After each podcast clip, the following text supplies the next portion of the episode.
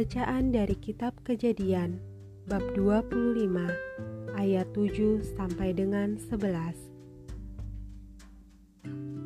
Abraham meninggal dan dikuburkan.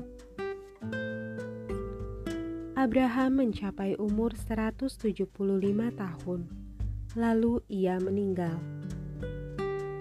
Ia mati pada waktu telah putih rambutnya, tua dan suntuk umur maka ia dikumpulkan kepada kaum leluhurnya.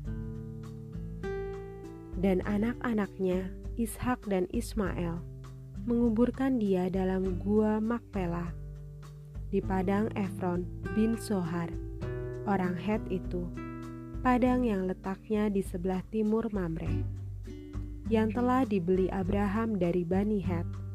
Di sanalah terkubur Abraham dan Sarah istrinya. Setelah Abraham mati, Allah memberkati Ishak anaknya itu, dan Ishak diam dekat sumur Lahai Roi. Demikianlah sabda Tuhan. Syukur kepada Allah.